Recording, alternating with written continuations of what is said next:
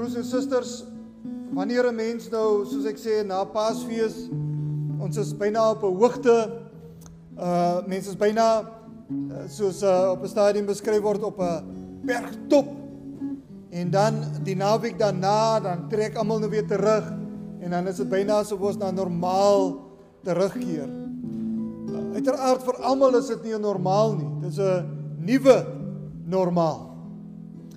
En baie van ons en ons het Augustus weer dit besef baie van ons het in hierdie tyd oor die Paasnaweek het dinge ingrypend vir ons verander. Maar broers en susters, Paasfees is nie maar net 'n naweekie. Amen. Paasfees is daar die hele seisoen vanaf die opstanding wat oploop na die Pinkster. En daarom uh, is ons die volgende paar Sondag gaan ons besig wees om dan daardie tema te hanteer, die Paas uh, tema. In die tweede plek is ons ons besig om ons voor te berei vir Pinkster. Die uitstorting van die Gees. Die herlewing van die kerk. Mense sou byna kon sê die weergeboorte van van die kerk. Ons het nou 'n bietjie met die uh, katekisante gesels oor die uh die geboorte en die groei van die kerk um, en hoe die kerk reg oor die wêreld versprei het. En daarom ons teksvers gedeelte gaan dan ook oor die kerk. En ek wil hou aan die voorhou Handelinge hoofstuk 4 vanaf vers 32. Handelinge hoofstuk 2 4 vanaf vers 32. Acts chapter 4 from verse 32 up until the end which is verse 37. Oor die volgende paar weke gaan ons telkens terug staan, ja, stil staan uh uit 'n gedeelte uit Handelinge oor die uh, in 'n sekere sin die weeropstaan van die kerk, die wedergeboorte, die voorbereiding vir die Pinksterfees na na uh die die naweek, die Paas naweek. Handelinge hoofstuk 4 vanaf vers 32.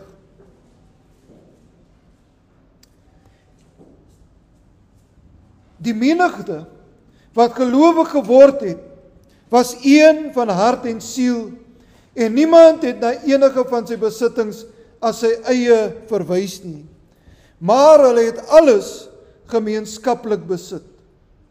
Die apostels het ook kragtig getuig oor die opstanding van die Here Jesus en groot genade het oor hulle almal gekom. Daar was inderdaad niemand onder hulle wat gebrek gely het nie. Aangesien hulle almal wat grond of huise besit het, dit verkoop het en die opbrengs van die verkope gebring en aan die voete van die apostel neergelê het. En aan elkeen is dan uitgedeel in ooreenkomstig met wat hy nodig het gehad het.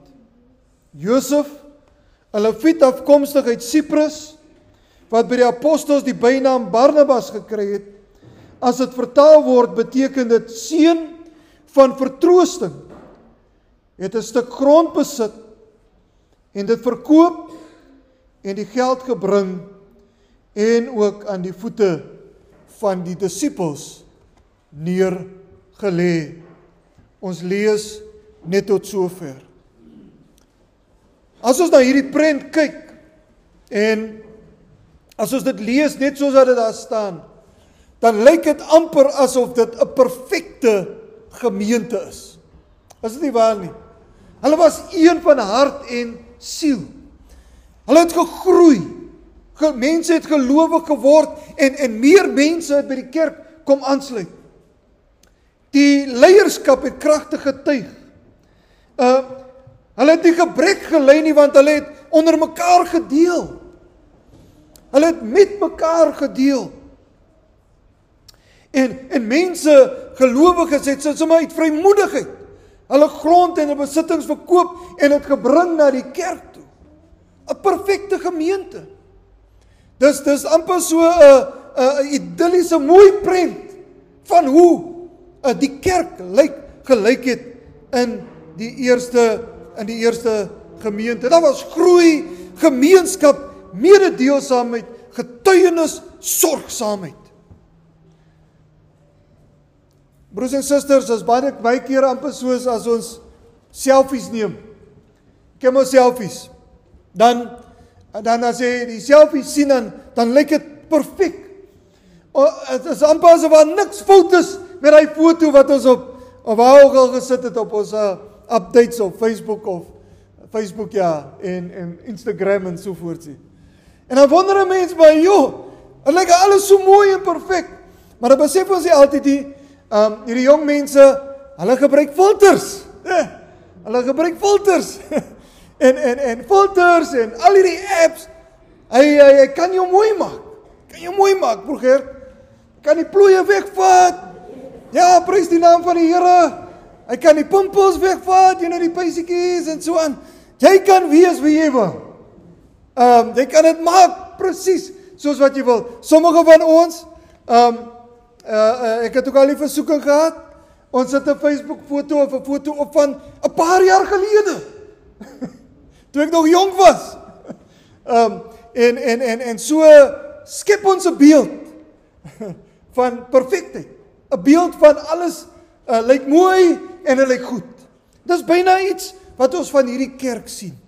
En dan wanneer ons eerlik is en ons kyk na onsself, ons kyk na ons gemeente vandag in die kerk, dan besef ons Daar is geen perfekte gemeente nie. As waar?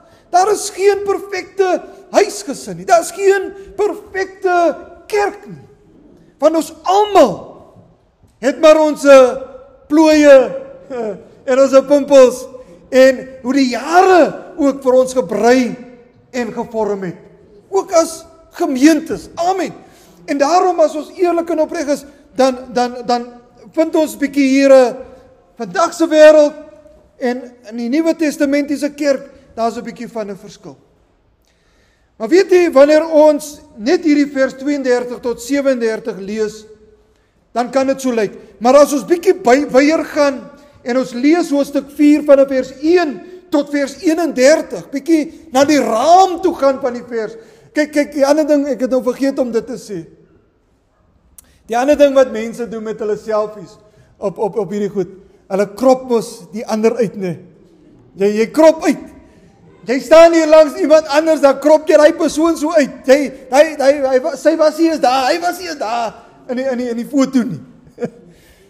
Maar as ons nou teruggaan en ons kyk wat is uitgekrop in die teksgedeelte, dan sien ons vanaf hoofstuk 4 1 tot 31, daar was ook probleme in daardie kerk.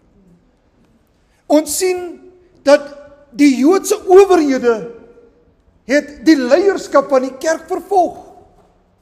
Ons het gesien dat daar was op 'n stadium hierso vanaf vers 16 tot 18 waar hulle verbied was om te getuig.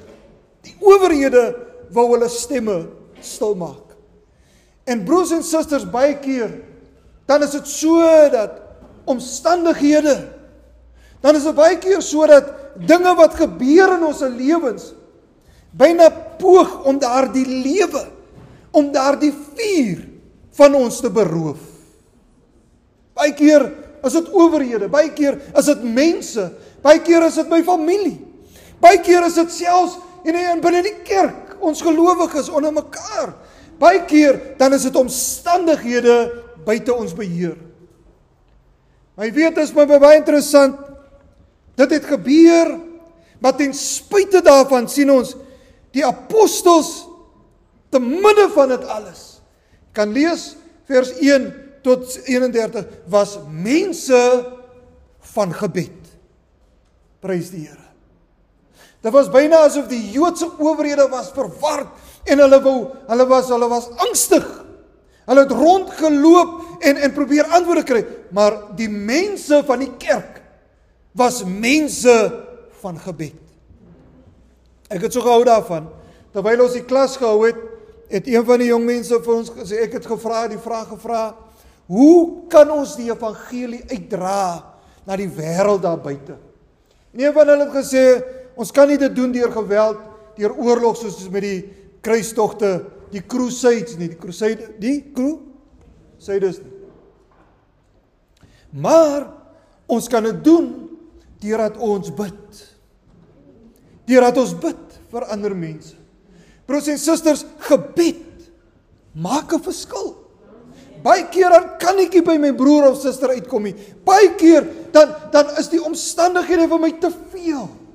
Ek het nie woorde nie, net trane miskien. Baie keer dan dan is dit sodat ek dit nie antwoorde waar dit presies vandaan kom nie. Maar gebed verander sake.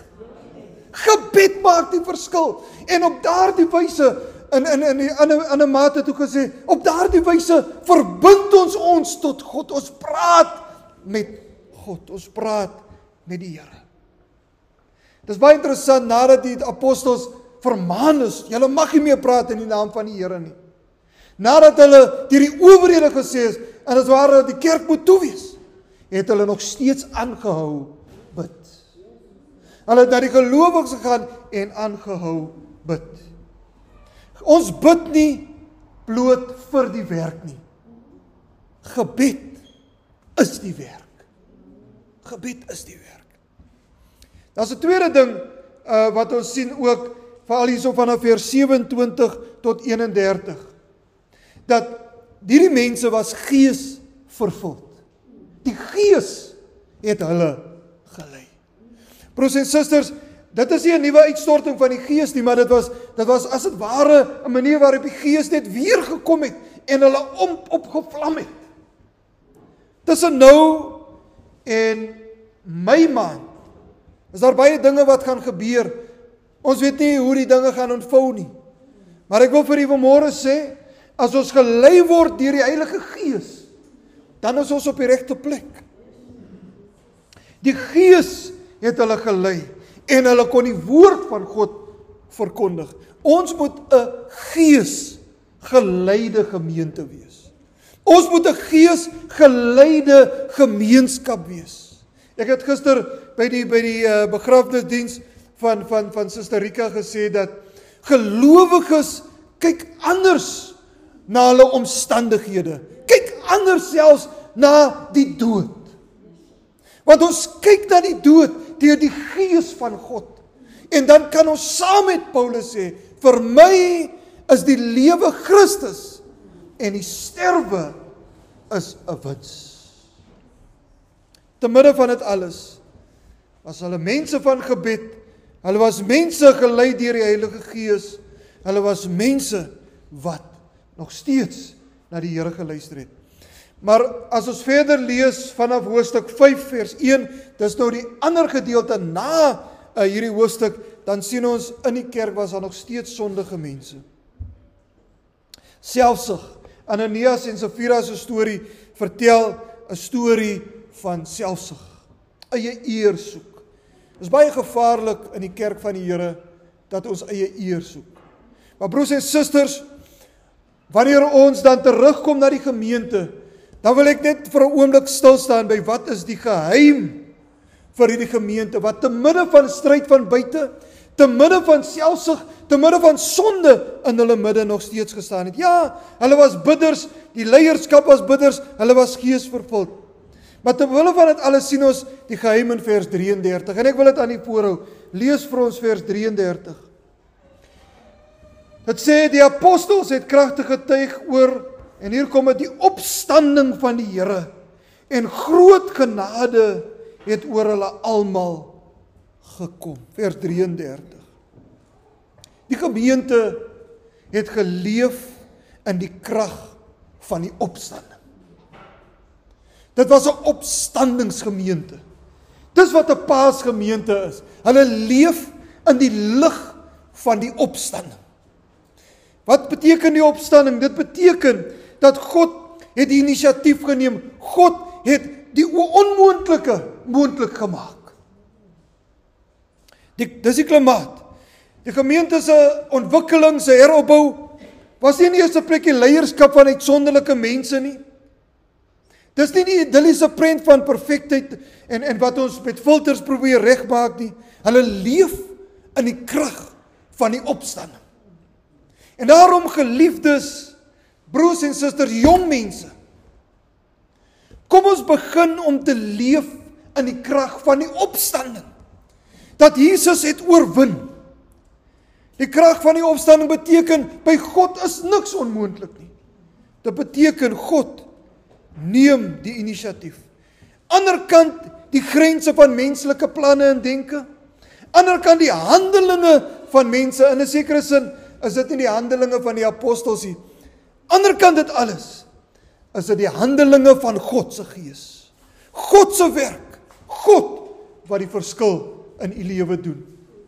En daarom verbore vir u wat ingeskakel het op Facebook, vir u as gemeente hier, u as families, jong mense. En vir al ons jong mense wat nou in daardie paar weke is voor hulle belydenis aflegging, ek sien 'n paar van hulle vanoggend hier teenwoordig. Ek is bly julle is hier. So is 'n so wonderlike teken, prys die Here se naam. Ek wil vir julle vanmôre bemoedig. Baie keer dan sal ons, dan sal julle miskien faal. Baie keer dan sal jy voel dat die dinge raak te veel vir jou van buitekant af. Leef uit die opstandingskrag van die Here. Leef uit God se genade en jy sal die wedloop kan hardloop. Ek wil vir julle bemoedig, baie keer dan sal julle voel dat ek het myself geval, ek het die Here geval, ek het selfs op, op my my my familie geval. Maar my bemoediging vanmôre is leef in die krag van die opstanding. Want wanneer ons in die krag van die opstanding leef, dan begin die prent by mekaar kom. Dan begin die dinge sin maak. Geliefdes, broers en susters, ek sluit af. Dit is moontlik om 'n mooi prent te bou. Dit is moontlik om 'n om 'n pragtige selfie te hê. Dit is moontlik. Maar dit is alleenlik moontlik in die krag van die Heilige Gees. Dit is alleenlik moontlik wanneer ons die Here vertrou om sy sy mooiheid, sy skoonheid deur ons te leef.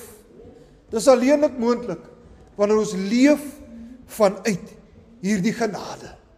En mag dit ook wees vir u as gemeente, ons as as as families, ons as ouers, ons as kinders, jong mense, mag dit wees vir ons 'n nuwe lidmate wat op pad is. Mag dit wees dat ons sal leef vanuit die opstanding krag van ons Here Jesus Christus. Amen en amen.